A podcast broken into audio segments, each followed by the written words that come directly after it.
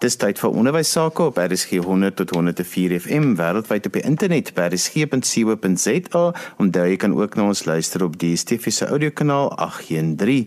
Ek gesels vandag met Bernadette Geduld en ons praat oor refleksie en selfgerigte leer. Hoe kan die ouer die kind bystaan in sy of haar reflektiewe vaardighede en metakognisie? Bernadette, hierdie is nogal 'n mondvol, so kom ons begin gou eers ons verduidelik vir mense wat is refleksie en hoe pas dit in by selfgerigte leer? Refleksie het baie fasette. Byvoorbeeld, om te reflekteer oor iets beteken dit om dieper betekenis en 'n dieper verstaan te kry oor dit waaroor jy reflekteer. Met ander woorde, refleksie in onderrig of soos met tuiswerk sake dan verbeter dan 'n leerder se insig in 'n komplekse leer. Refleksie behels die in verband bring met 'n huidige ondervinding tot met 'n vorige ondervinding waar jy dan nou vir jouself vragies vra oor die vorige ondervinding. Wat wat ek nou doen is dieselfde as 'n taakie wat ek voorheen gedoen het. Wat moet ek eers doen? Wat moet ek verskillend doen So refleksie betrek dan nie net kognitiewe vaardighede nie, maar dit gaan ook saam met emosionele inligting uit jou vorige ondervindinge oor iets.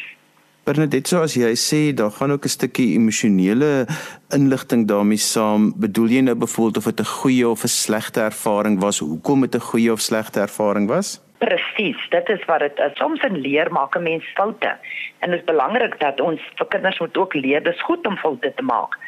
Maar uit daardie foute uitsprei daar soms negatiewe emosies, soos as jy slegte terugvoer kry of jy het miskien self nou gevoelens dat jy jou werkie waardig of goed genoeg is nie. So wanneer jy in 'n soort gelyke situasie kom en jy reflekteer nou oor jou vorige ondervindinge, roep dit natuurlik indien daar negatiewe emosies betrokke was, konnoteer jy nou weer daai vorige ervarings en vorige negatiewe emosies met die nuwe werk wat jy moet doen. Bernadette nogal belangrik dat ouers ook moet daaraan dink dat hulle die hele tyd reflekteer wanneer hulle kind besig is met skoolwerk op hulle eie skoolloopbaan en hulle ervaring van hoe dit in hulle skoolloopbaan was en hoe die leer nou verskil met dit wat hulle geken het. Ja, dit is so. En uh, dit is wat wat onderwysers juis in gedagte moet hou by die tipe tuiswerk wat hulle vir kinders gee. Ook ouers het bereidwilligheid om die kinders te ondersteun Dit word alles gekleer deur hulle eie ervarings van die skool. Het hulle negatiewe ervarings gehad, dan sal hulle natuurlik baie huiwerig wees om hulle kinders by te staan. Ek dink dit is ook een van die redes waarom baie keer skoolfunksies, ouer vergaderings, onderwysers kla, skoolhoofde kla, dit word baie swak bygewoon. Maar ek dink dis omdat baie ouers self sulke negatiewe ervarings van die skool het dat hulle nie weer wil teruggaan daar weer in die skoolsaal sit. Ek dink hulle voel weer soos kinders. Al die negatiewe ervarings word weer opgeroep. En hulle voel baie keer kan dit ook wees dat baie ouers minder waardig voel in die teenwoordigheid of in die geselskap van onderwysers op die skoolhoof of meer uitgeleese mense Benedict, kom ons praat gou oor die rol van ouers en onderwysers in hierdie proses van refleksie. Refleksie bly 'n interne proses wat iemand op die einde van die dag mos nou maar self moet kan doen, maar 'n ouer en 'n onderwyser het 'n baie spesifieke rol om te speel. Verduidelik gou vir ons wat daardie rol is. Jy is doodreg. Ouers speel rol en onderwysers speel rol. Nou, my siening is dat met refleksie ontwikkel die kind twee stemme. Jy kan sê 'n interne stem waar hy homself afvra, hoe het ek nou die gevaar? Hoe moet ek dit anders doen as ek suksesvol? Maar die kind hoor ook 'n eksterne stem en dit is die stem van die ouer vir my of die stem van die onderwyser.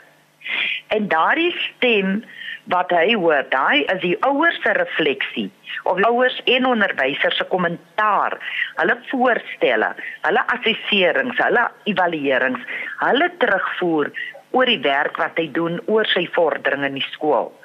So die ouers, dis 'n refleksie alhoewel dit 'n uh, individuele ding is, word hy ekstern ook beïnvloed. Soos ek sê, die ouers uh, word die eksterne stem.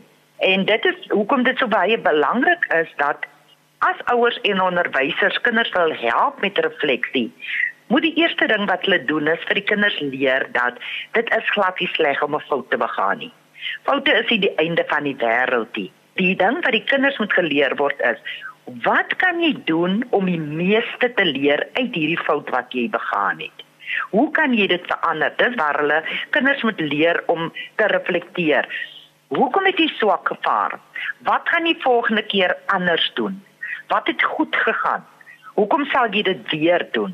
Watter strategie het jy gebruik? Moes jy hulp vra? Hoekom het jy nie hulp gevra nie? So die ouers en onderwysers se terugvoer dan oor die kind se vordering met sy taakie en met sy leer in die algemeen dit help die kind om te reflekteer die tipe vrae wat hulle vir hom vra moet vra wees wat vir hom laat dink wat gaan ek volgende keer anders doen? Hoekom het dit gewerk? Hoekom het dit nie gewerk nie? Wat moet ek beter doen? Hoe kan ek dit wat ek nou hier geleer het toepas in 'n ander situasie byvoorbeeld Benedict, dit is nogal belangrik dat 'n mens ook in ag sal neem dat kinders se ouderdom 'n groot rol speel in die vermoë om te kan reflekteer op wat ek gedoen het. Want baie keer sê jy nou vir 'n kind, maar hoe het jy dan nou gedink? En dan is die eintlike antwoord die kind het nog nie gedink nie en baie keer is dit ook 'n ding dat hy nog nie daaroor kon dink nie. En ek dink ouers en onderwysers is baie keer nogal geneig om nie die ouderdom van die kind in ag te neem wanneer dit kom by refleksie nie. Ja, ek gaan so 'n bietjie verskil. Ek dink 'n mens kan al kinders van baie kleins af kan leer om te reflekteer. Van kleuters af kan jy leer tot selfs matrikulante. Vir my gaan dit alles oor die tipe vraag wat jy die kind vra.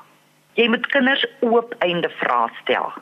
Ek dink uh, onderwysers weet van die Bloom se uh, taksonomie van vrae. Hierdie maar van die maklikste kennisvrae tot die hoër vlak 7 waar jy nou moet kreatief wees en baie meer oop tipe vrae vra. So ek dink dit kan al van kleins af met kinders uh, gevra. As ek 'n voorbeeld kan neem, vir die die vraag: "Waarom het jy op hierdie manier te werk gegaan? Hoekom werk dit nou nie? Kom het jy tuiswerkie klaar gekry nie?" Of as die kind iets gebreek het byvoorbeeld, hoe dink jy wat het gebeur? Wat het veroorsaak dat die koppie val? Wat het veroorsaak dat die koppie breek? So van die hele refleksie gaan oor om te dink oor jou eie handelinge, oor jou eie leergedrag en gedrag in die algemeen. So ek dink dit kan van kleins af kan kinders geleer word om proaktief te dink en dit kan hulle refleksie verbeter. Van kleins af, ek dink as 'n kind by die huis kom en hy sê byvoorbeeld ek moet as dit 'n groot wiskunde probleem of dis 'n Engelse opstel of Afrikaanse opstel daar's vier woorde wat die ouers nie behoor nie. As die kind vir jou sê ek kan dit nie doen nie. Maar met refleksie kan die kinders beweeg die ouers kan help. Laat ons liewer die kind leer om te vra hoe kan ek dit doen? Hoe moet dit te werk gaan? In Engels sê hulle to make the transition from I can't to the proactive how can I Ons gesels vandag oor refleksie en selfgerigte leer en my gas is Bernadette Geduld en sy is van die eenheid vir selfgerigte leer by die Noordwes Universiteit. Bernadette, kom ons praat gou oor metakognisie, maar nog meer belangrik, watter rol speel refleksie in lewenslange leer en selfgerigte leer waar kinders eintlik verantwoordelikheid moet neem vir hulle eie leer. Verduidelik gou my hoe al hierdie dinge met mekaar verband hou. Kyk na die verskillende konsepte van selfgerigte leer, selfgereguleerde leer, metakognisie en refleksie, kom dit na vore in die literatuur dat hierdie konsepte almal met mekaar verband hou. Baie navorsers sien selfgerigte leer as die makrokonsep of soos in Engels sê die umbrella konsep en onder hierdie oorkoepelende konsep resorteer selfgereguleerde leer, metakognisie en refleksie. Om die twee konsepte te verstaan moet 'n mens kyk na die oorsprong van die konsepte. Selfgerigte leer as 'n konsep wat hier in die 1970s en 1980s ontstaan het uit volwasse leerteorieë en waarvan Knowles een van die pioniers is. En tradisioneel is selfgerigte leer gesien was dit meer gebruik om leeraktiwiteite te beskryf wat buite die tradisionele skool omgewing plaasgevind het soos volwassenes wat nou self leer tuin maak wat vir hulle eie doelwitte stel ek gaan nou self leer brei. En aan die ander kant was self gereguleerde leer meer gebestudeer in 'n skoolkonteks met leerders in 'n formele kurrikulum in 'n formele instansie waar die leerdoelwitte nog deur 'n onderwyser bepaal was. Maar met die tyd het die definisies en die verstaan die teoretiese perspektiewe van selfgerigte leer het nou uitgebrei en verander. En daar's nou baie navorsers wat voel dis nie net volwassenes wat selfgerig is nie, maar kinders kan ook selfgerig wees. Soos ek sê dit is maar 'n teoretiese perspektief. Baie navorsers sien byvoorbeeld in die hiërargie van hierdie konsepte sien metakognisie as 'n konsep wat eerste kom en uit metakognisie ontstaan selfgereguleerde leer. Of ander navorsers sien dit weer, jy moet eers selfgereguleerd wees en metakognisie is 'n stapproses van selfgereguleerde leer. Maar hoe dit ook nou al sê, hierdie selfgereguleerde leer en selfgerigte leer het al twee vier basiese fases. Die eerste een, dit gaan oor doelwitstelling en beplanning. Dit gaan oor besluite om sekere strategieë te gebruik. Dit gaan oor die metakognitiewe aspekte van jou keuses en die uitvoering daarvan. Aan metakognisie handel oor beplanning, monitering, jy beplan wat jy gaan doen, jy moniteer jou verstaan, jou vordering en dan evalueer jy jou vordering aan die einde. En om in staat te wees om te jou metakognitiewe bewustheid bewus te wees daarvan om strategieë te verander moet jy gebruik maak van refleksie. Jy moet jouself vra afvra waar is ek nou? Wat is anders? Vorder ek? Hoekom vorder ek nie? Wat moet ek nou anders doen? Hoe kan ek dit wat ek voorheen al geleer het toepas om met te help om hierdie taakie waarmee ek nou doen suksesvol uit te voer Binne dit baie mense het die opvatting dat 'n mens eintlik eers aan die einde van wat ek ook al gedoen het reflekteer oor die proses. Maar binne hierdie proses voel dit vir my dat dit nodig is om regdeur te reflekteer. Ja, ek stem saam met jou. Dis eintlik die regdeur. Ek sou sê 'n mens reflekteer in 3 fases. Nog voor jy al begin met die taak as jy al 'n taak kry, die kind die kry die tuiswerk en ook ons gewone mense in jou alledaagse kom en gaan. Die voor 'n taak begin jy reflekteer. As jy 'n opdrag kry by die werk, die eerste ding wat jy jouself gaan vra, is hierdie 'n heeltemal nuwe taak? Het ek al so iets in die verlede gedoen? Wat is eers omtrent dit wat ek nou doen? Hoe sluit dit aan by my vorige kennis? Die volgende ding wat jy vir jou gaan vra, goed, hier is die taak nou. Wat moet ek bereik? Jy gaan die taak analiseer nou. Wat moet ek bereik? En dan gaan jy begin beplan en jy gaan vir jouself vra wat moet ek eers doen? En dan natuurlik al daai refleksie word natuurlik ook beïnvloed deur jou motiveringsoortuigings. Hoe gemotiveerd jy is om die taak te doen. Dan die volgende fase van my van refleksie is terwyl jy besig is om die taak uit te voer. Dan reflekteer jy, jy vra vir jouself die vraag: Am I on the right track? As ek op die regte pad. What can I do differently? Wat kan ek nou anders doen? En as jy vasbrand, waar moet ek help soek? Vir wie kan ek vra? Ek kan dit 'n maat wees, kan dit my ouers wees, 'n onderwyser, moet ek iets op internet soek. So dit is al die refleksie wat jy goed kies waar jy daai self-talk en inner voice, soos jy jou eie vordering moniteer en jouself die vragies vra, is ek nog op die regte pad? Indien jy nie op die regte pad is nie, dan moet jy jouself terugbring. En dan die na die taak, as die taak uit klaar afgehandel is, dan gaan jy nog steeds weer reflekteer. Jy gaan jouself gespreek het en vir jouself vra. Jy gaan jouself mos nou evalueer aan die hand van die doel wat wat gestel is. Wat het goed gegaan? Hoekom het dit nie goed gegaan nie? Volgende keer, wat kan ek beter doen? En hoe kan ek dit wat ek hier geleer het toepas in 'n volgende situasie. So dit is alles metakognitiewe strategieë wat vervleg is met refleksie. Benedit, so refleksie op sy eie is iets wat jy sê mense deur vrae moet doen, maar dit is altyd vir my so interessant wanneer 'n mens vir mense sê jy moet die regte vrae vra en jy het ook nou al verwys na die verskillende vlakke waarop vrae gevra kan word, nou oop en geslote vrae. Vra vra vereis eintlik nogal dat 'n mens baie moet nadink oor waarmee is ek besig. Ja, as ek vir jou kan terugvat, wat is refleksiewe denke eintlik? Dit is 'n proses waarin die mens, die individu, vir homself oordeele maak oor wat gebeur het. Wat het nou hier gebeur? Jy reflekteer en dan vra jy mos of jy die vragies, wat was goed, wat was sleg, wat moet ek anders doen? So ja, dit gaan maar oor vra en die tipe vrae wat jy jouself moet vra. Een van die vrae wat 'n mens moet vra wanneer jy reflekteer is wat ek sou noem 'n begripsvraag.